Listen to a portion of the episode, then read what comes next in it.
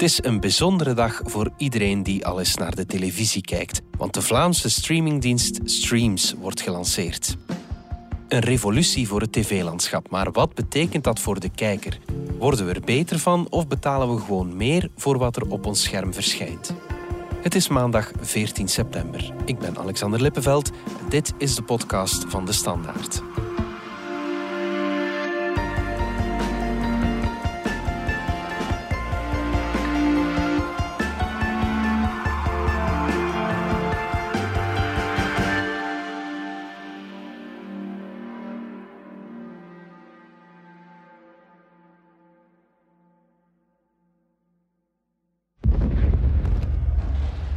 Shall we begin?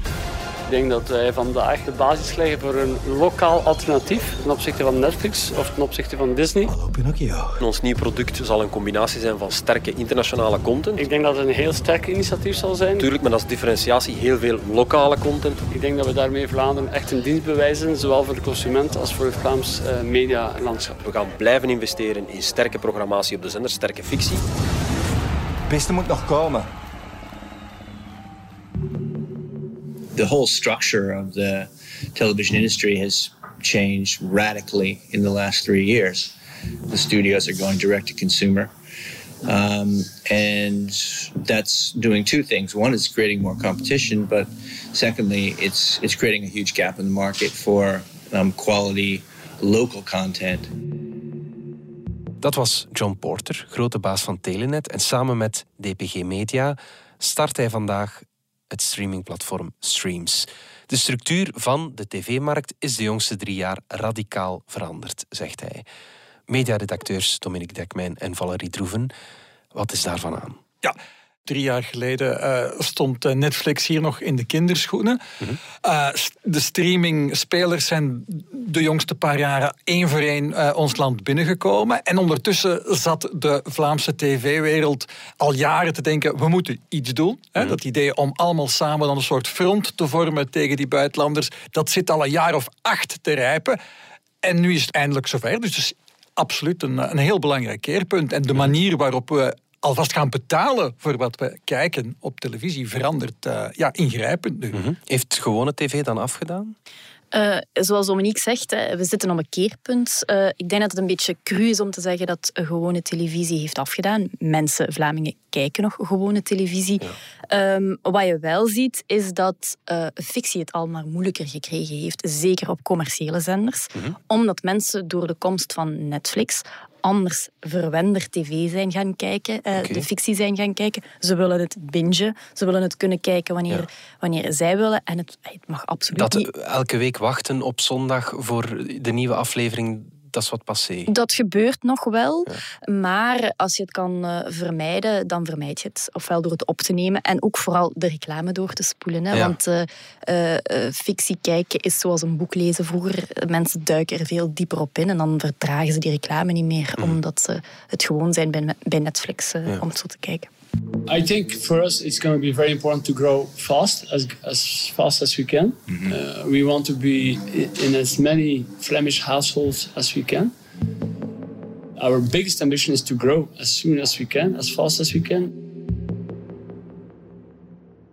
Dat was Koen Vervaat van DPG Media, bekend van het laatste nieuws en VTM onder andere.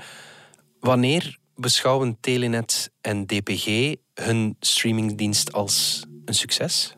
Wel, uh, aan ons hebben ze het niet willen vertellen, maar dan in een ander medium hebben ze zich toch een cijfer laten ontvallen. Hè, dat ze echt mikken om van die 400.000 abonnees waar ze mee beginnen, die 400.000 abonnees van uh, Telenet Play, ze willen daar eigenlijk 1 miljoen van maken. 1 miljoen streams ja, abonnees. Die, die, die Telenet Play abonnees die gaan automatisch overschakelen naar streams. Ja, precies. Want eigenlijk, hè, dat, er wordt nu wel verteld dat er een nieuwe streamingdienst wordt uh, gelanceerd, maar dat is eigenlijk niet helemaal waar. Mhm. Want uh, Play bestond al jaren en eigenlijk verandert gewoon van naam. En er komen een handjevol, letterlijk maar een handjevol extra reeksen bij die er nog niet in zaten. Maar in wezen is uh, Streams wel degelijk gewoon Telenet Play dat blijft bestaan.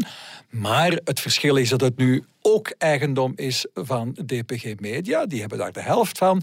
En dat de VRT min of meer verplicht is om daar toch een aantal van zijn beste fictiereeksen aan bij te dragen. Wat ze bij Play maar uitzonderlijk deden, dat wordt nu gewoner. Dus wat meer uh, VRT-content, wat meer VTM-content. Maar in wezen is het die, die play uh, die verder wordt gezet.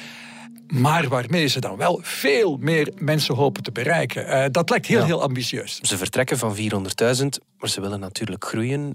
Dan vermoed ik dat dat met veel inkomsten te maken heeft. Uh, ja, dus ze denken aan 1 miljoen. En 1 miljoen uh, abonnees op een dienst die, die 12 euro per maand kost. Dus er is toch nog een duurdere versie. Maar laten we zeggen dat we spreken over een goede 140, 150 miljoen euro die erbij komen. Ja, dat is bijna eens zoveel nog eens als het volledige uh, productiebudget van de commerciële zenders uh, in Vlaanderen. Dus er komt echt heel okay. veel geld bij. Nu, dat is voor een stuk nieuw geld, maar voor een, een heel groot stuk ook eigenlijk moet dat geld vervangen dat aan het verdwijnen is, namelijk het reclamegeld dat langzamerhand van die live televisie aan het wegcijpelen is. Ja, ja. Maar effectief, als dat geld er niet komt, dan uh, zitten we dus jaarlijks met minder geld om al die tv-fictie uh, te maken.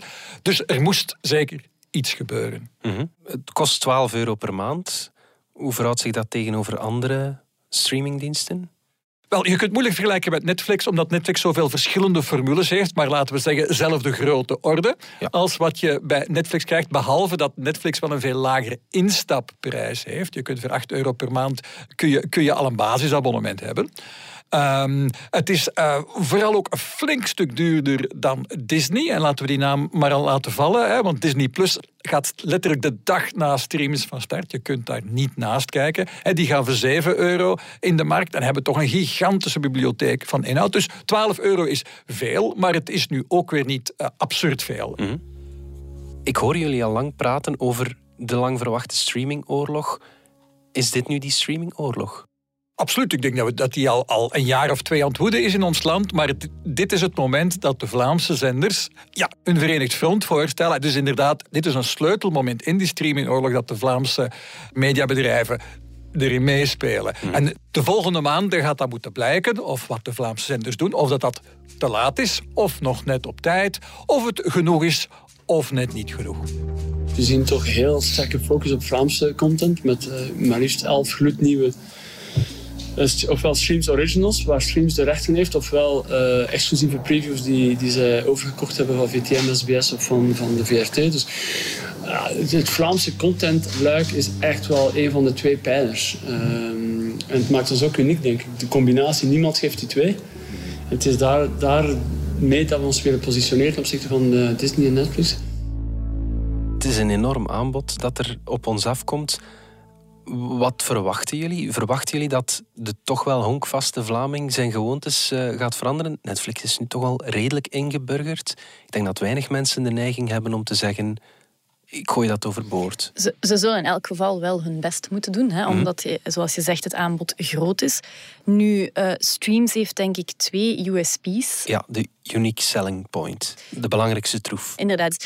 Ze hebben een, een groot deel van de HBO-catalogus, die tot nu toe eigenlijk via Play alleen maar beschikbaar was voor de Telenet-abonnees.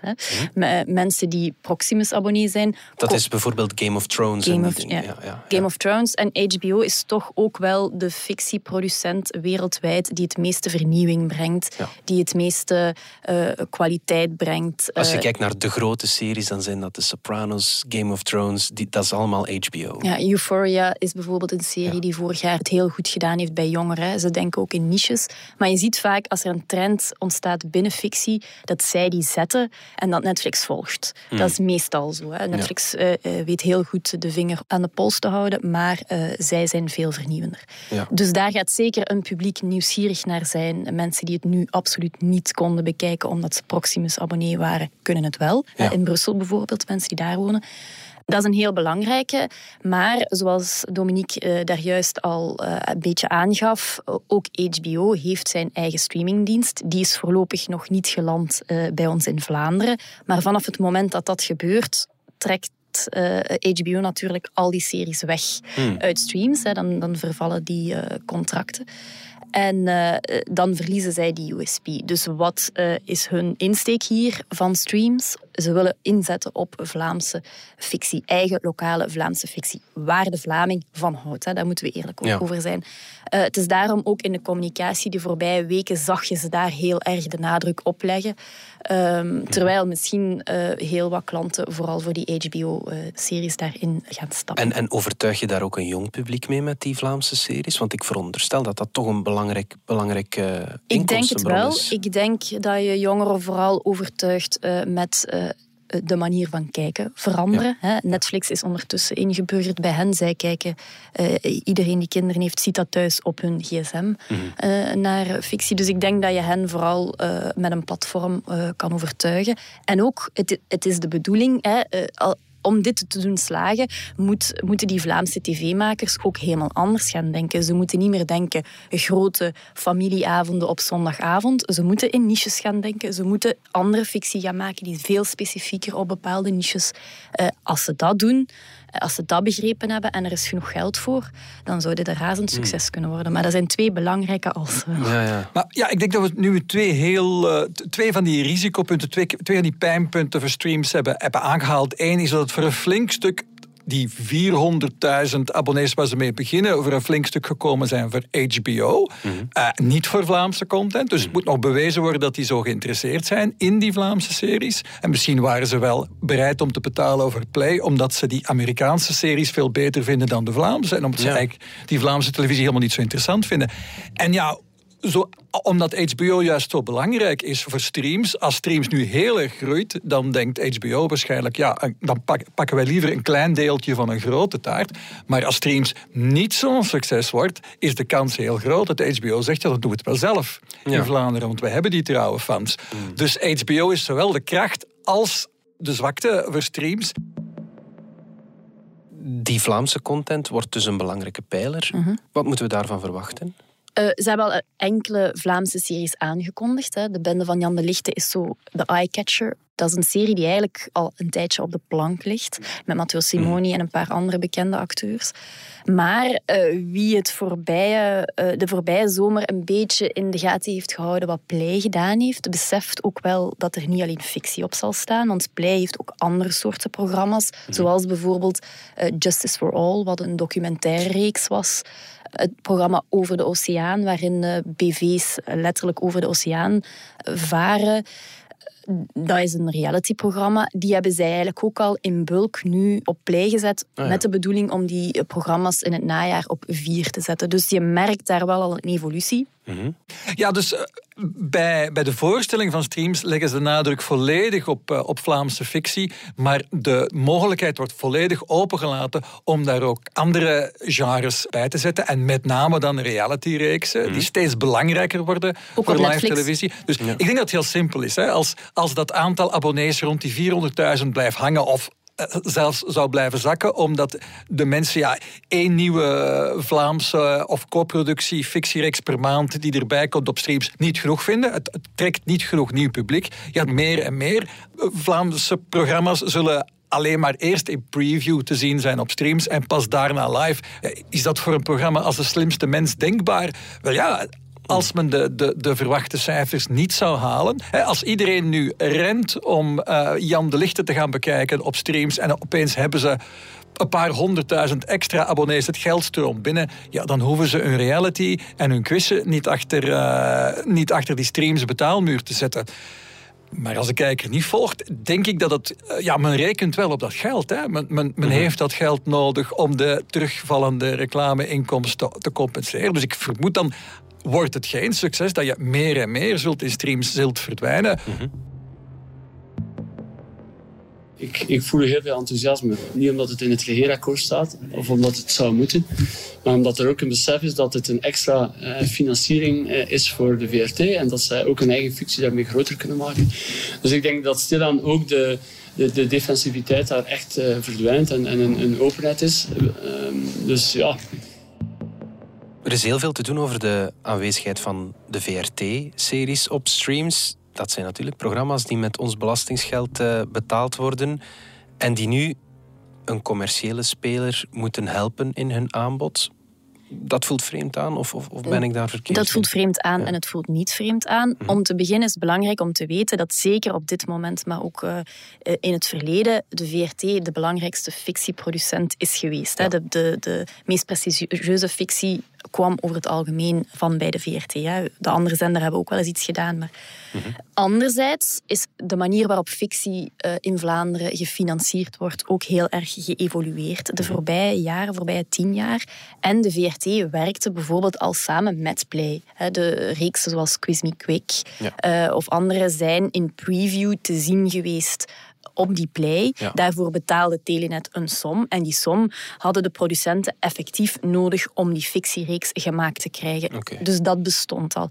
Het gaat wel, neem ik aan, ook uh, vanwege politieke druk, al maar vaker gebeuren. Hmm. En dan rijst natuurlijk wel die vraag, uh, reeksen waarvoor wij als belastingsbetaler al betaald hebben, moeten wij daar dan nu nog eens opnieuw voor betalen om die samen met onze vrienden te kunnen zien? Want het risico is natuurlijk dat niemand nog live gaat kijken of uh, Mhm. toch een heel groot deel van Ja, de je mensen. mag niet vergeten, eh, op het moment dat die eerste experimenten er zijn geweest met een preview op Play of elders, hè, betaaltelevisie, d- dan was dat voor een klein groepje. hè. Nu Ja. mikken we op een gigantische groep. Hè. Men hoopt 1 Ja. miljoen mensen die het dan allemaal als 1 miljoen streams, abonnees, eh, een serie al op voorhand hebben gezien. Ja, dan gaat die Ja. op zondagavond Dan verwacht ik niet dat Eh, de heel wat kijkcijferkanonnen als Ja. Tom Waas en Thuis op, eh, op streams zullen verschijnen. Dat is, de grote vraag. Hmm. Dat, dat weten we op dit moment niet. Dus commerciële zenders beperken het niet tot een bepaald genre. Het begint nu met fictie.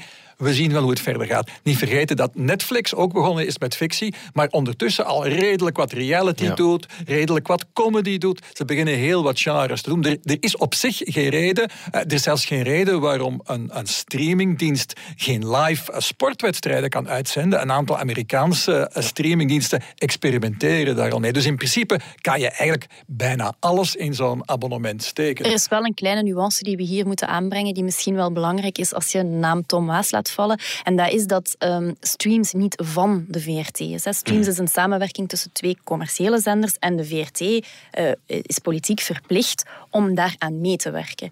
Ik denk niet dat dat Tom snel eerst te zien zal zijn op streams, omdat de VRT ook nog zijn eigen logica heeft in deze. Ja, tuurlijk. Wat ook ja. betekent, als streams een super succes wordt, profiteert de VRT daar niet van mee. Nee. Eh, dan profiteren de commerciële spelers. Heeft hè. de VRT dan een fout gemaakt door daar niet mee in te stappen van in het begin? Wel, eh, de, de vraag is in, in hoeverre dat die optie had bestaan. Er waren problemen bij als het hele televisielandschap er samen instapt en iedereen was dan mede aandeelhouder. Ik denk daar mogelijk eh, juridische problemen van gebrek aan concurrentie bij hadden gespeeld.